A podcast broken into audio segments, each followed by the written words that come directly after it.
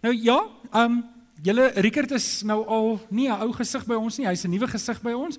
Rickert, dis 'n voorreg om jou vanoggend hier saam met ons te hê. Ons sien uit om die woord te hoor. Mag die Here vir jou seën. Amen. Dankie. Waardeer dit. Ons sê. Het jy die boekie vir my neergesit hierso? Het, het jy eene? Ek het een, maar hy lê by die huis. Jy kan een vir jou vrou vat. Ek het my hele skoolloopbaan so deurgegaan.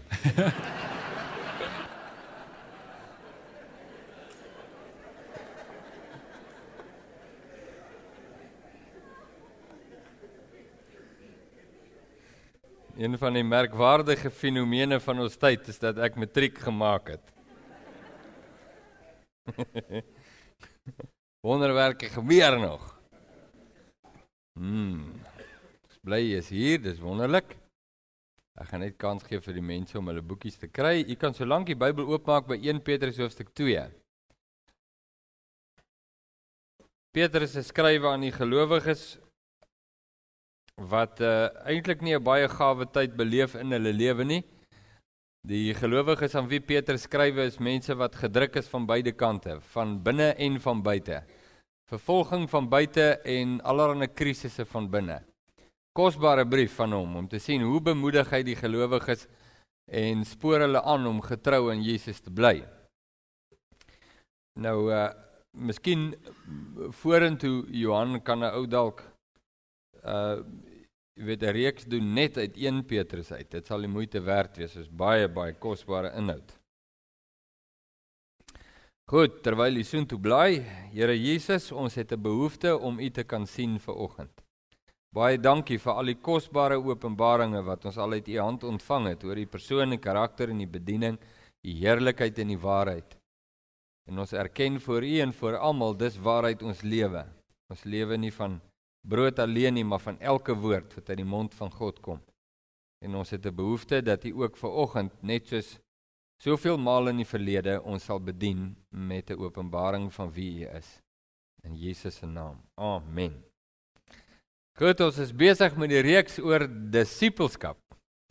En uh ek kon nou ongelukkig nie die diens bywoon verlede week nie, maar ek vertrou julle was hier en dat die Here julle geseën het. Nou ek wil vanoggend begin ons die skrifgedeelte wat in die boekie behandel word vir hierdie week vir week 3 is uh vers 21. Kom ek lees net gou 21. Ons gaan nou ander gedeeltes ook lees. Uh dis nou 1 Petrus 2 vers 21 wat lees want uh, hiertoe is julle geroep omdat Christus ook vir julle gelei het en julle 'n voorbeeld nagelaat het sodat julle sy voetstappe kan navolg. Nou Uh 2 weke gelede toe ek hier by gekuier het, het ek uh, vir gesê dat disippelskap word opgesom deur die woorde van God by die doop van Jesus en by die berg van verheerliking Matteus 5 vers 7 waar God gesê het daar is my geliefde seun in wie ek welba het luister na hom. Dis nie net een nie, dis beide van hulle die erkenning dat Jesus die geliefde seun van God is en onder sy gesag te staan. Nie net een nie, maar al twee. En al twee hierdie hierdie dinge, al twee hierdie openbaringe, al twee hierdie uh bekendmakinge van God is wat disippelskap definieer. Dit is wat 'n disipel is. Dis iemand wat erken dat Jesus die geliefde seun van God is in wie hy 'n welbehae het en onder sy gesag te staan. Nou wil ek net vir vir interessantheid sê hoekom ons nou baie sterk klem op beide hierdie faktore lê is omdat een nie genoeg is nie want die duiwel is die beste voorbeeld van iemand wat net aan een van hierdie openbaringe vashou. Jy weet dat die duiwel weet dat Jesus die geliefde seun van God is en wie hy welbaar het en hy bly nog steeds die duiwel. Niks aan hom verander nie. Hy's nie salig omdat hy glo dat Jesus die seun van God is nie. Hy weet dit vir 'n feit. Hy staan nie onder die gesag van Jesus nie. Dit maak hom die duiwel. Dit is moontlik het ons ook gesê 2 weke gelede om hier te staan in hierdie diens en deel te hê in hierdie lieflike aanbidding. Net vinnig iets sê oor die aanbidding vanoggend. Ek verkyk my so aan die dromspeler byvoorbeeld, een om een ou te noem want ek sukkel om 'n chappie te kou en hande te klap gelyk. En hierdie ou, hierdie ou doen vier goed gelyk. Linkerhand, regterhand, linkervoet regter, jy moet hom dophou. Dis dis ongelooflik. Dis hoekom ek my toe oë staan en aanbid, want anders kry ek nie geaanbid nie. Ek vergaap my so in hierdie aand. Nee, dit is moontlik om in aanbidding te staan en te erken in jou aanbidding dat Jesus die geliefde seun van God is en wie hy welbehae het. Dit is moontlik en nie aan sy gesag onderworpe te wees nie. Dit is moontlik om hier te staan en al hierdie lieflike liedere te sing en dit uit jou hart uit te bedoel en te weet voor jou siel weet jy dat Jesus is die geliefde seun van God. Was nie genoeg nie. Die skrif sê, God sê, luister na hom. staan onder sy gesag. Sien, dis die belangrik, dis waaroor die hele Christelike lewenswandel gaan, is 'n vermaaning en bemoediging van gelowiges deurgaans om aan Jesus gehoorsaam te bly. Dis waaroor dit gaan. Jesus se dringende vermaaning in Openbaring om aan die gelowiges te sê bly getrou tot die einde toe. Kom ek vra vir 'n uh, baie uitdagende vraag. Moen hom nou nie dadelik probeer antwoord nie, laat hy net so 'n bietjie prit. Die vraag is kan jy wedergebore wees en nie 'n Christen nie? Hoor hoe antwoord daai kind. Hoor die vraag, kan jy wedergebore wees en nie 'n Christen nie? Kom ons vra nog 'n vraag saam met dit. Kan jy wedergebore raak sonder dat jy 'n Christen is? Kom ons antwoord die twee vrae vinnig. Ons begin by die laaste een eerste. Kan jy wedergebore raak sonder dat jy 'n Christen is? Die antwoord is nee. Kan nie. Want net deur Christus Jesus is die lewe van God moontlik. Net deur by die punt te kom waar ek erken en bely dat Jesus die seun van God is en my lewe onder sy gesag te plaas. Dis wat oorgawe beteken. Dis wat ek gee my lewe vir Jesus beteken. Beteken ek was in beheer, maar ek's nie meer nie, ek gee die beheer af. Jesus is in beheer. Ek staan onder sy gesag. Gebeur die fenomeen van alle fenomene, 'n goddelike ingryping in my lewe, iets wat ek self nie kan bewerkstellig nie. Op daai oomblik gryp God my deur sy gees en hy ruk my uit duisternis en bring my in die koninkryk van die seun van sy liefde. Skryf Paulus. Wedergeboorte vind plaas en ek word 'n nuwe mens. Die lig en waarheid en lewe van God kom in my in. Dit is bonatuurlik. Dit het dis net bonatuurlik. Kan dit nie anders sê nie. Nou is die vraag, eerste een. Dit was die tweede vraag. So ek kan nie ek kan nie wedergebore raak sonder om my knie voor Jesus te buig nie. Maar kan ek wedergebore wees? Nou klaar wedergebore. Ek het begin by Christus. Is dit moontlik om dan wedergebore te wees en nie 'n Christen te wees nie. En onheilspellend genoeg is die antwoord ja. Dit krap dalk jou teologie nou heeltemal om. Prys die Here. Kom ek verduidelik. Die vermaaning in die skrif in die Nuwe Testament is baie baie sterk en baie baie duidelik dat die gelowiges praat met die nou die Nuwe Testament praat nie met die wêreld nie. Die Nuwe Testament praat met die mense in die Nuwe Testament. Deel van die Nuwe Testament. Deel van die liggaam van Jesus Christus en sê bly getrou tot die einde toe. Dis moontlik om in die gees te begin en in die vlees te eindig. Dit help jy eindig in die vlees nie. Begin in die gees en soos jy Christus Jesus aangeneem het skryf Paulus, wandel so in hom. 'n Christen is iemand wat nie net erken dat Jesus die geliefde seun van God is nie, maar iemand wat onder sy gesag bly. Is dit moontlik om wedergebore te wees en onder die gesag van Jesus uit te beweeg? Ja. Ja. Kan ek 'n Christen wees en nie onder die gesag van Jesus staan nie? Die streng definisie van Christendom laat so 'n moontlikheid nie toe nie. Dis nie moontlik om 'n Christen te wees en nie in die voetspore van Jesus te wandel nie. Dis moontlik om Christelik te wees, ja, maar nie 'n Christen nie. 'n Christen is 'n disipel. Dis iemand wat nie net erken dat Jesus is die Alfa en die Omega van God nie, maar ook na hom te luister. En die groot krisis in die gemeente, die groot krisis, as jy kyk na boeke soos Galasiërs en Kolossense en 1 en 2 Korintiërs en Petrus se skryf en ons gaan nou uh hoofstuk 2 lees sal jy sien die groot krisis is wanneer mense uit die gesag van Jesus uitbeweeg, hulle eie dinge begin doen maar hulle nog steeds noem met die naam van Jesus. En dan sê die skrywers van die Nuwe Testament, Paulus, Johannes, Petrus, Jakobus sê wandel waardig die getuienis van Christus. Wat is die getuienis van Christus? Matteus 17 vers 5. Hy is die geliefde seun. Luister na hom.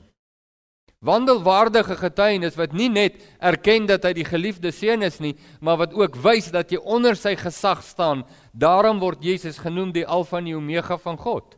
Hy's die absolute standaard van God se kom ons sê se moraliteit, wat reg en wat verkeerd is. Wil jy weet wat is reg en verkeerd? Die definisie daarvan begin by Jesus en eindig in Jesus. Om onder hom te staan, dis reg om uit sy gesag uit te beweeg, dis verkeerd. Nie wette en reëls en allerlei regulasies nie. Paulus skryf aan die Korintiërs, gaan nie nou nie daarop inlaat nie, maar u kan gaan self gaan lees by die huis 1 Korintiërs 9 en 1 Korintiërs 10. Skryf aan hulle oor offervleis. Daar's 'n hele ding in die gemeente oor kan ons die vleis eet wat aan afgode geoffer is en Paulus sê, luister, die belangrikste vraag is, staan jy onder die gesag van Jesus? Weet jy dat dit moontlik is om die offervleis te eet? en aan Jesus ongehoorsaam te wees, weet jy ook dat dit moontlik is om dit nie te eet nie en aan Jesus ongehoorsaam te wees. Paulus sê die belangrikste vraag is nie die eet of nie eet van offervleis nie. Die belangrikste vraag is staan jy onder Jesus se gesag in dit wat jy doen. Wette en reëls het met iets heeltemal anders te doen. Wette en reëls het te doen met punt 1, punt 2, punt 3, mag nie, mag nie, moet. Paulus sê daar's 'n baie groter standaard waar volgens ons lewe, ons lewe volgens die waarheid en lewe van Christus in ons harte. En die vraag om te vra is, dit wat ek doen, wat is die effek daarvan op mense? As ek iemand 'n struikelblok in die weg lê, maak nie saak wat ek doen nie, dis dalk iets onskuldig wat jy doen, jy het die vryheid om dit te kan doen, maar die gesag van Jesus dikteer dat jy ophou om dit te doen, want jy's 'n struikelblok vir mense. Hou dan op om dit te doen. Jy kan redeneer maar dit is onskuldig en dit maak nie saak nie, dit is onskuldig, maar dit maak saak. Hoekom maak dit saak? Want die gesag van Jesus sê dit maak saak. En Paulus trek die argument in 1 Korintiërs 9 baie duidelik. Hy sê sal ek iemand vir wie Christus gesterf het, 'n struikelblok in die weg lê. Die standaard bly in alle opsigte en alle ten alle koste en in alle situasies bly dit wat sê Jesus Nie wat sê die kerk nie of wat sê die denominasie of wat is wat sê die gemeenskap, jy weet dis aanvaarbaar nie, maar wat sê Jesus? Wat wat hoe moet ek lewe? Die Christ, 'n Christen se hele passie, sy hele visie is om te weet wat Jesus sê en na hom te luister. Is dit moontlik om wedergebore te wees en nie Jesus te volg nie? Ja, dit is. Daar's 'n baie ernstige waarskuwing voordat ek nou hier lees. 'n Baie ernstige waarskuwing aan die gelowiges in Korinte in hoofstuk 10 waar Paulus byvoorbeeld sê moenie Christus uittart nie. Weet jy dat dit daar staan? 1 Korintiërs 10 vers 9. As jy nou notaatjies maak, skryf daai versie neer want dit het my lewe verander. Moenie Christus uittart nie. Jy kan dalk hier sit, ek kan dalk hier wees vanoggend en ons het die kosbare getuienis dat ons in die gees begin het en dat God ons ontmoet het bonatuurlik en dat ons wedergebore is. Lieflike getuienis, hoe wonderlik. Maar pas op, sê die skrif. Moenie Christus uittart nie. Praat met jou en met my. Hoe tart ek Christus uit? Dis maklik. Jy beweeg onder sy gesag uit. En jy gaan hom te. in dit wat hy sê. Nou gaan ek vir julle twee voorbeelde gee in 1 Petrus hoofstuk 2 van dit waarvan ek nou praat. Waarskynlik ook voorbeelde van hoe dit moontlik is om Christus uit te tart. En die passie by ons is nie om Christus uit te tart nie. Ons wil nie kyk hoe ver kan ons gaan voordat ons Christus negatief in aksie dwing nie. Dit is moontlik om dit te doen. Maar dis nie die hart van 'n disipel nie. Die hart van 'n disipel is nie om te kyk hoe naby aan die afgrond kan hy ry nie. Die hart van die disipel is om te lewe onder die gesag van Jesus in alles wat ek doen, in die manier hoe ek my werkgewers hanteer, my werknemers, my vrou, my man, my kinders, my skoonouers, my ouers, my buurman en my vyande, almal van hulle, hoe ek hulle hanteer, sal dadelik vir jou sê, staan ek onder die gesag van Jesus en dit bepaal die integriteit van my getuienis en dis waaroor disippelskap gaan. Dis hoekom ons gemeente bymekaar is. Ons wil mekaar bemoedig om aan Jesus getrou te bly. Nie net in ons aanbidding om te sê hy is die lieflike seun van God en wie hy welbehae het nie, maar ook te sê Here, ek wil in my hele lewe aan u gesag onderworpe wees. Dis die belangrike ding. Nou kyk, kyk hoe benader Petrus hierdie kritiese kwessie met die gelowiges. Nou skus, dat ek net nog een ding sê. Twee dinge wat hierdie gelowiges raak. Twee dinge wat hulle 'n uh, lok as te ware uit uitlok om aan Christus ongehoorsaam te wees. Twee goeters in hierdie situasie in 1 in 1 Petrus. Die een is vervolging. Die gelowiges kry geweldige vervolging en druk van die wêreld op hulle om aan Jesus ontrou te raak. Geweldige druk. So die wêreld sê raak ontrou aan Jesus of ons maak hierdie lewe vir julle hel. En hulle het dit hel gemaak in die ware sin van die woord. En die druk is onsaglik op die lewens van die gelowiges.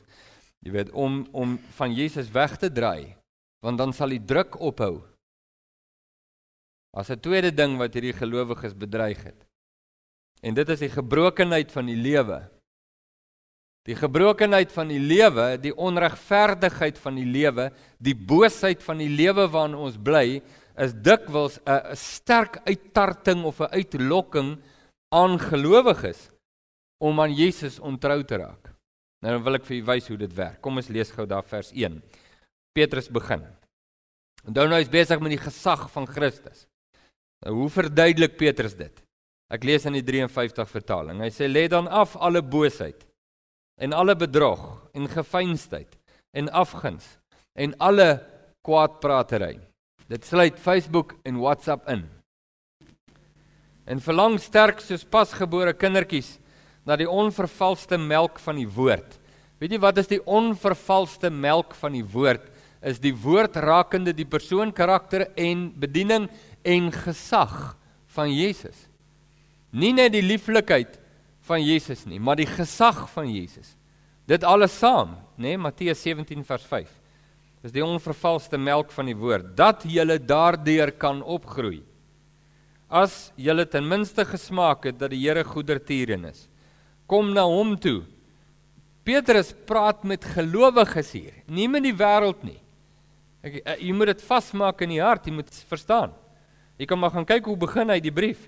Hy begin die brief, uh ekskuus, het ek nou net vinnig spring na 1 Petrus 1, sê hy uh uh die uitverkorene volgens die voorkennis van God en die heiligmaking van die Gees.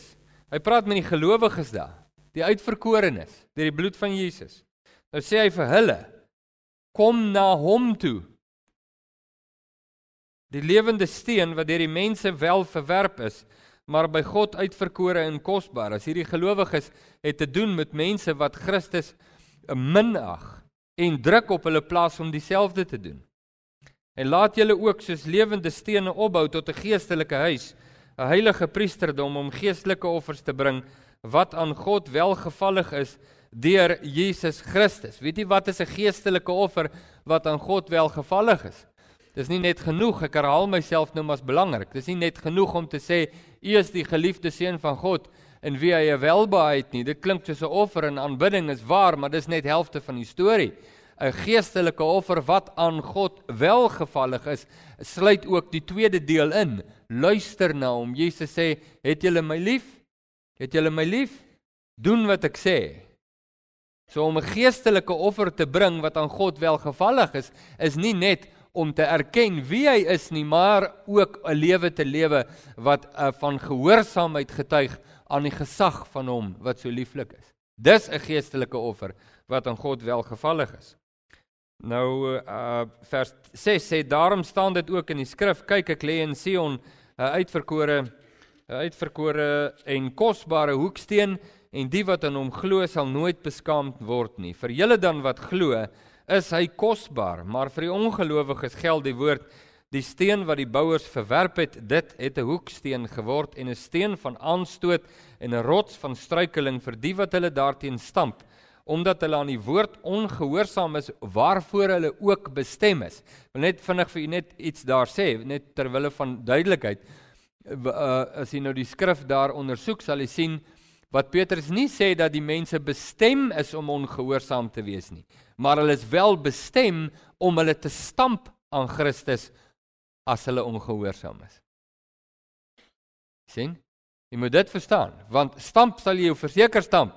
As as Paulus skrywe moenie Christus uittart nie, is dit omdat dit 'n waarskuwing het van as jy hom uittart, gaan jy, as jy aanhou daarmee, gaan jy in 'n posisie plaas waar jy jou gaan stamp teen die hoek van aanstoot. Dit is 'n belangrike woord. Maar julle is 'n uitverkore geslag, 'n koninklike priesterdom, 'n heilige volk, 'n volk as eiendom verkry om te verkondig die deugde van hom wat julle uit die duisternis geroep het tot sy wonderbare lig. Julle wat vroeër geen volk was nie, maar nou die volk van God is, aan wie toe geen barmhartigheid bewys het nie, maar nou bewys is. Geliefdes, sien, praat met die geliefdes. Ek vermaan julle as bywoners en vreemdelinge om julle te onthou van vleeslike begeertes wat stryd voer teen die siel. Wat Petrus sê is geliefdes, ek vermaan julle bly onder die gesag van Jesus.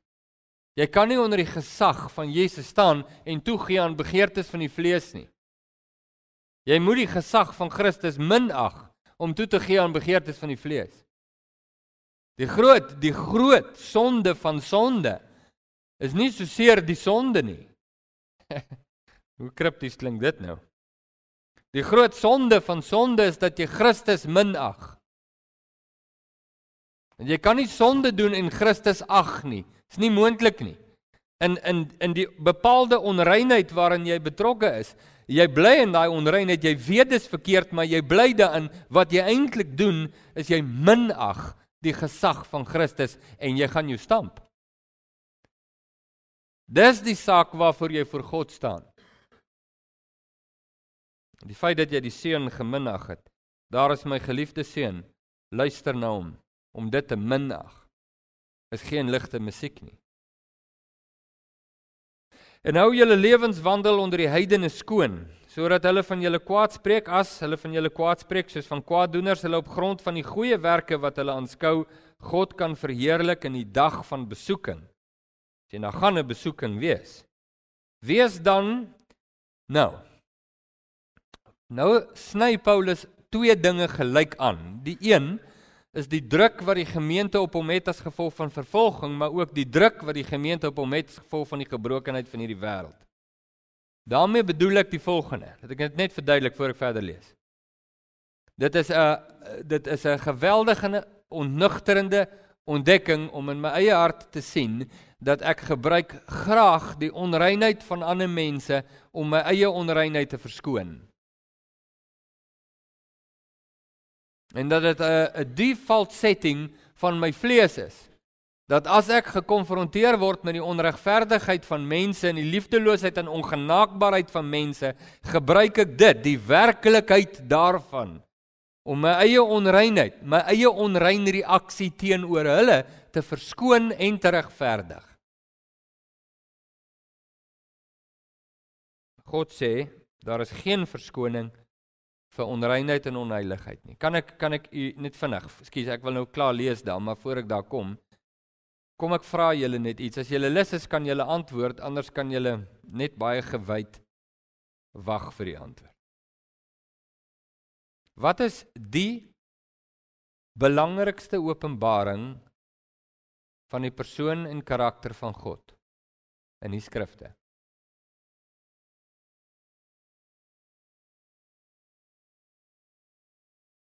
Ek gaan nie nou skok.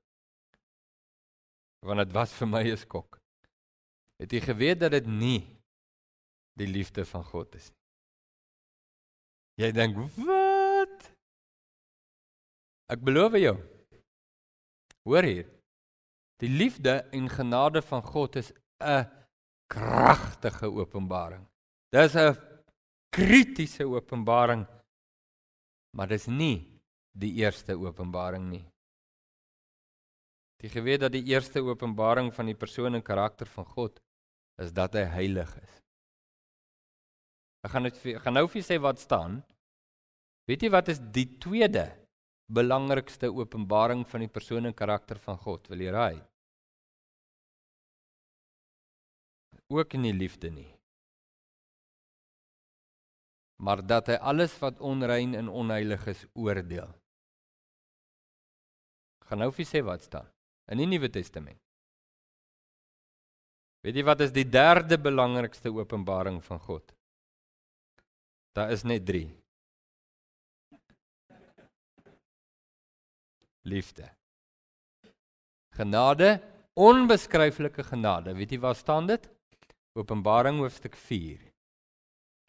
Gaan jy sien die eerste ding wat Johannes sien is die troon van die die troon van God en een wat daarop sit en sy voorkoms en dan beskryf hy sy voorkoms en dit wat hy beskryf is eerstens rein en heilig. Tweedens absolute oordeel oor alles wat onrein en onheilig is. En derdens sy onbeskryflike genade in daardie volgorde. En gebalanseerde, korrekte, ware teologie plaas nie klem op net een nie, maar al drie. Want dis die openbaring van God waarmee Petrus hier besig is en die hele bespreking oor disippelskap het te doen eerstens met die openbaring van God wie hy is en dan daarin te wandel. Daar is nie 'n definisie van disippelskap buite dit nie. Dis wat dit is. So as as Petrus hier skrywe geliefdes, ek vermaan julle om julle te onthou van vleeslike begeertes, se roep hy hulle eintlik om te wandel ooreenkomstig die karakter en waarheid van God. Wat is dit? Heilig. En 'n diepe besef dat God het geen ooghare vir enigiets wat onrein en onheilig is nie.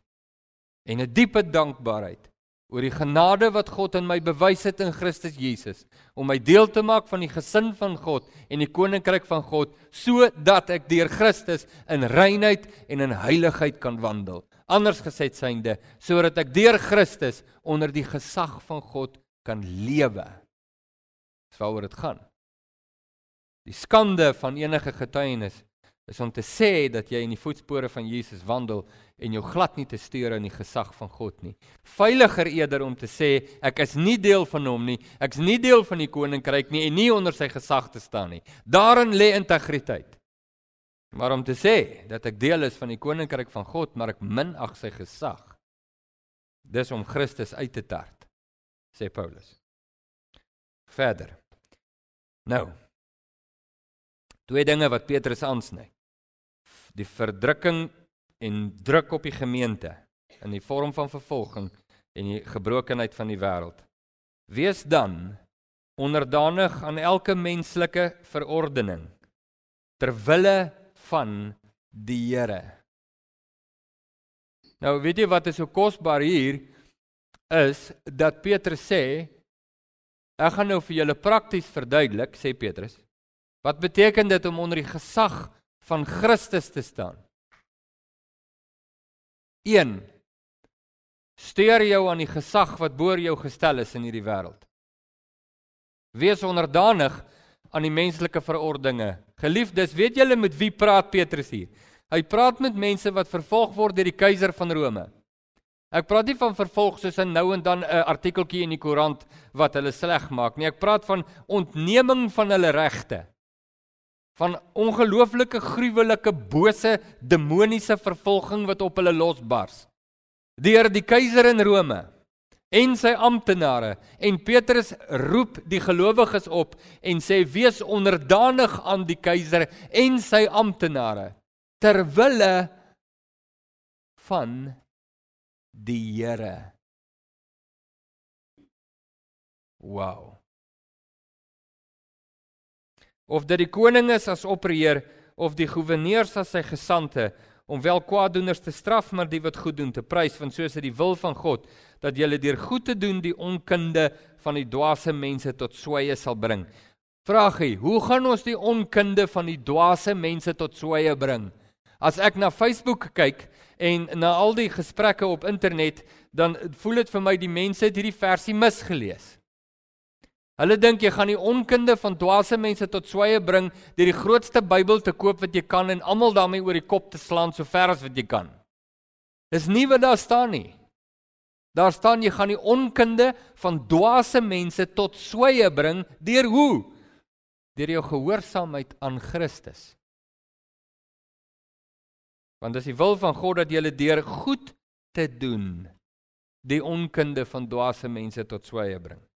As vrye mense, nie asof jy die vryheid het as 'n dekmantel vir boosheid nie, maar as diensknegte van God, jy moet almal eer, die broederskap lief hê, God vrees, die koning eer. Kom ek vertel julle 'n skande. Persoonlike skande. Dis toelaatbaar vir die predikant om oor mense se skandes te praat solank dit sy eie is. Jy onthul nie ander mense se skandes van die kansel af. Weet jy wat is vir my is vir my so treffend hier is dat Petrus sê om God te vrees is onlosmaaklik verbind aan om die keiser te eer.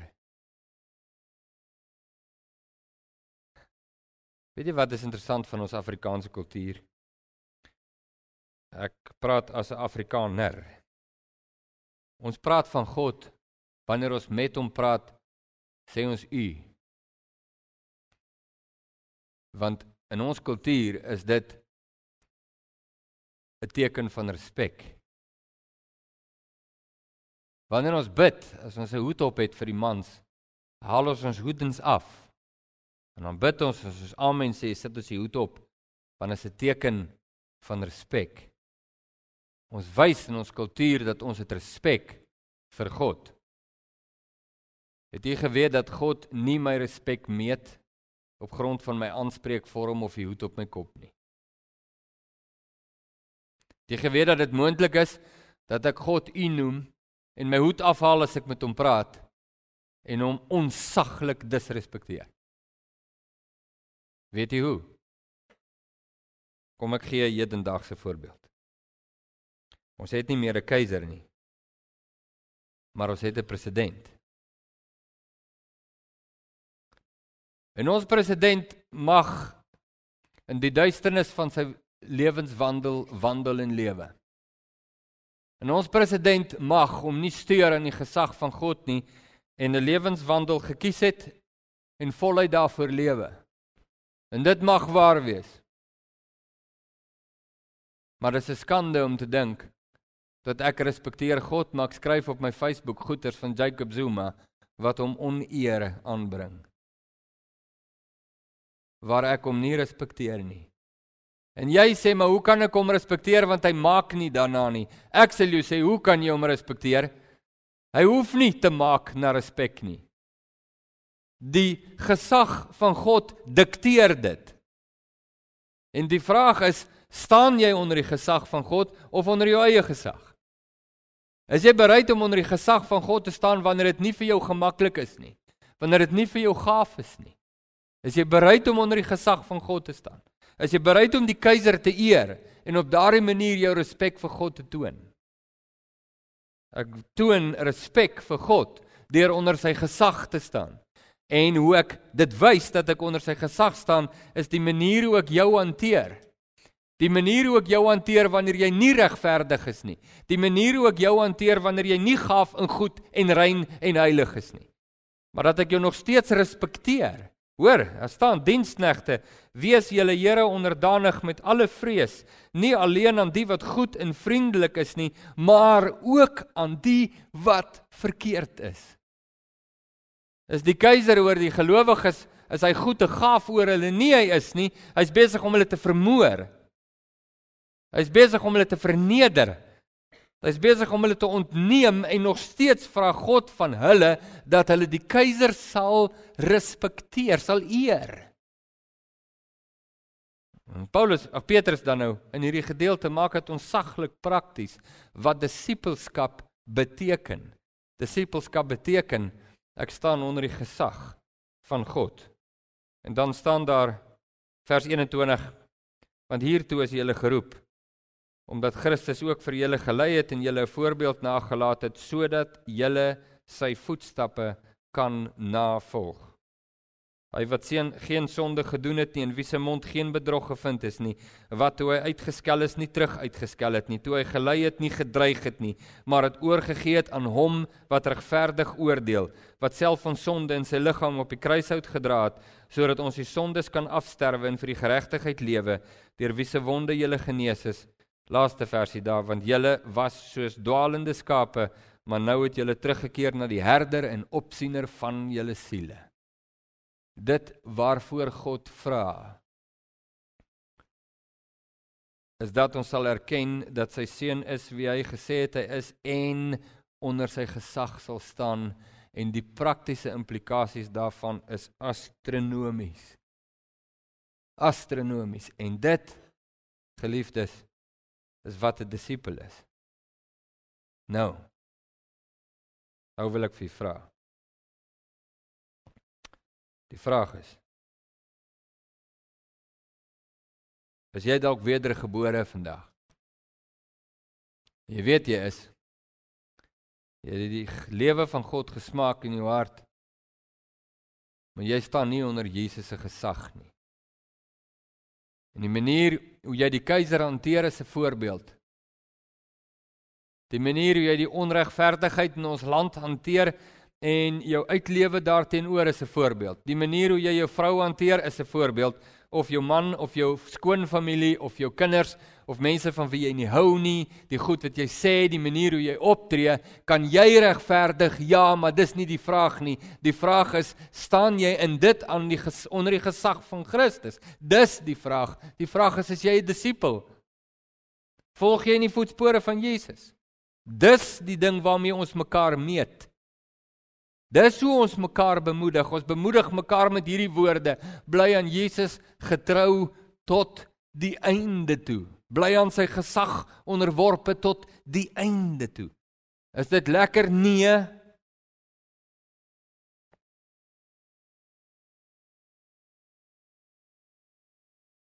Is nie lekker nie. Is dit lekker om jou vyande lief te hê? Is jy laf? As als in my skreeu na reg en geregtigheid per Rickert se definisie. Maar Rickert is nie meer my Here nie. Jesus is. En Jesus toe hy uitgeskel is, nie terug uitgeskel nie.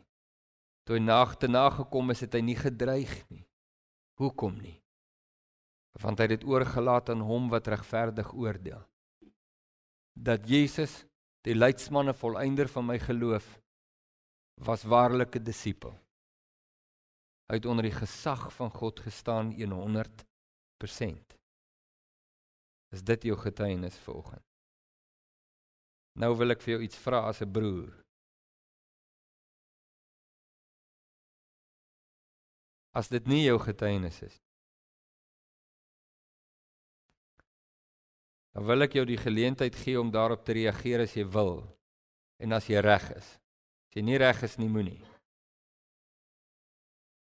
Ek wil vir jou die kans gee as jy ver oggend hier sit en jy weet jy's wedergebore en jy's jy's by die Here maar jy's nie onder sy gesag nie.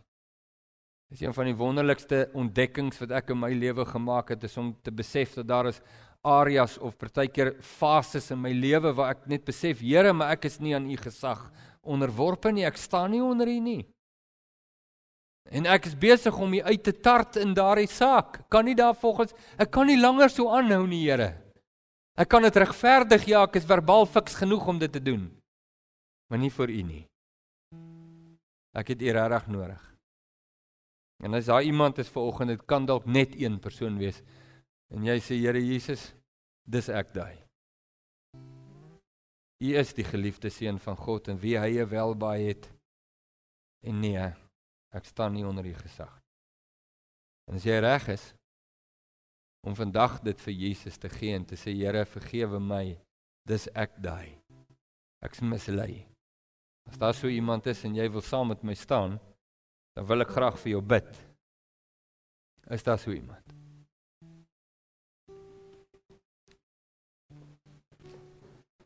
Dit is disippelskap. Dis waaroor dit gaan.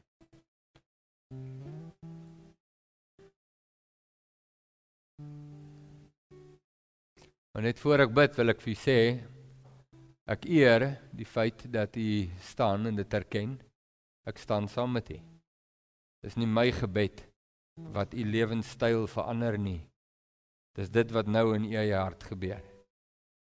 Dis hoe u voor die Here staan en wat u sê terwyl u staan. So ek gaan nou bid, ja. Dis goed en is belangrik. Maar jy moet self met jou hart voor die Here staan. Dis belangrik dat jy dit doen. Dis belangrik dat jy dit ook deurvoer. So in die area waarin jy besef jy teen Jesus rebelleer en jy nie onder sy gesag staan nie en jy besig in daai area om hom uit te tart. Dit is belangrik dat jy regmaak in daai area ook. Watter area dit ook al mag wees. Eere God. Eer hom. Vrees God, eer die koning. Hê respek vir God in daai area. Maak reg. As dit jou vrou is, jou buurman, dit jou Facebook inskrywings is, wat dit ook al is. Jou rekenaar gebruik, onderwerp dit aan God se gesag. Here Jesus.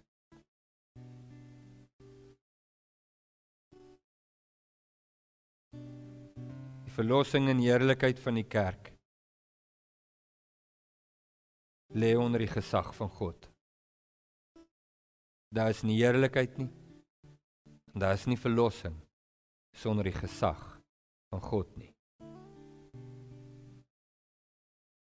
En daarom staan ons vandag voor U omdat dit vir ons 'n saak van erns is.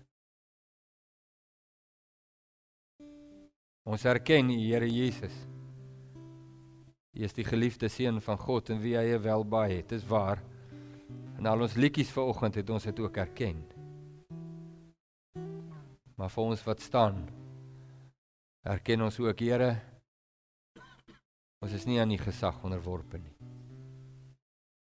of in totaliteit of in sekere areas in ons lewens. En dit bring diep verdriet in ons lewens en harte. Ons wil nie uittart nie. Ons wil in opregtheid voor U staan.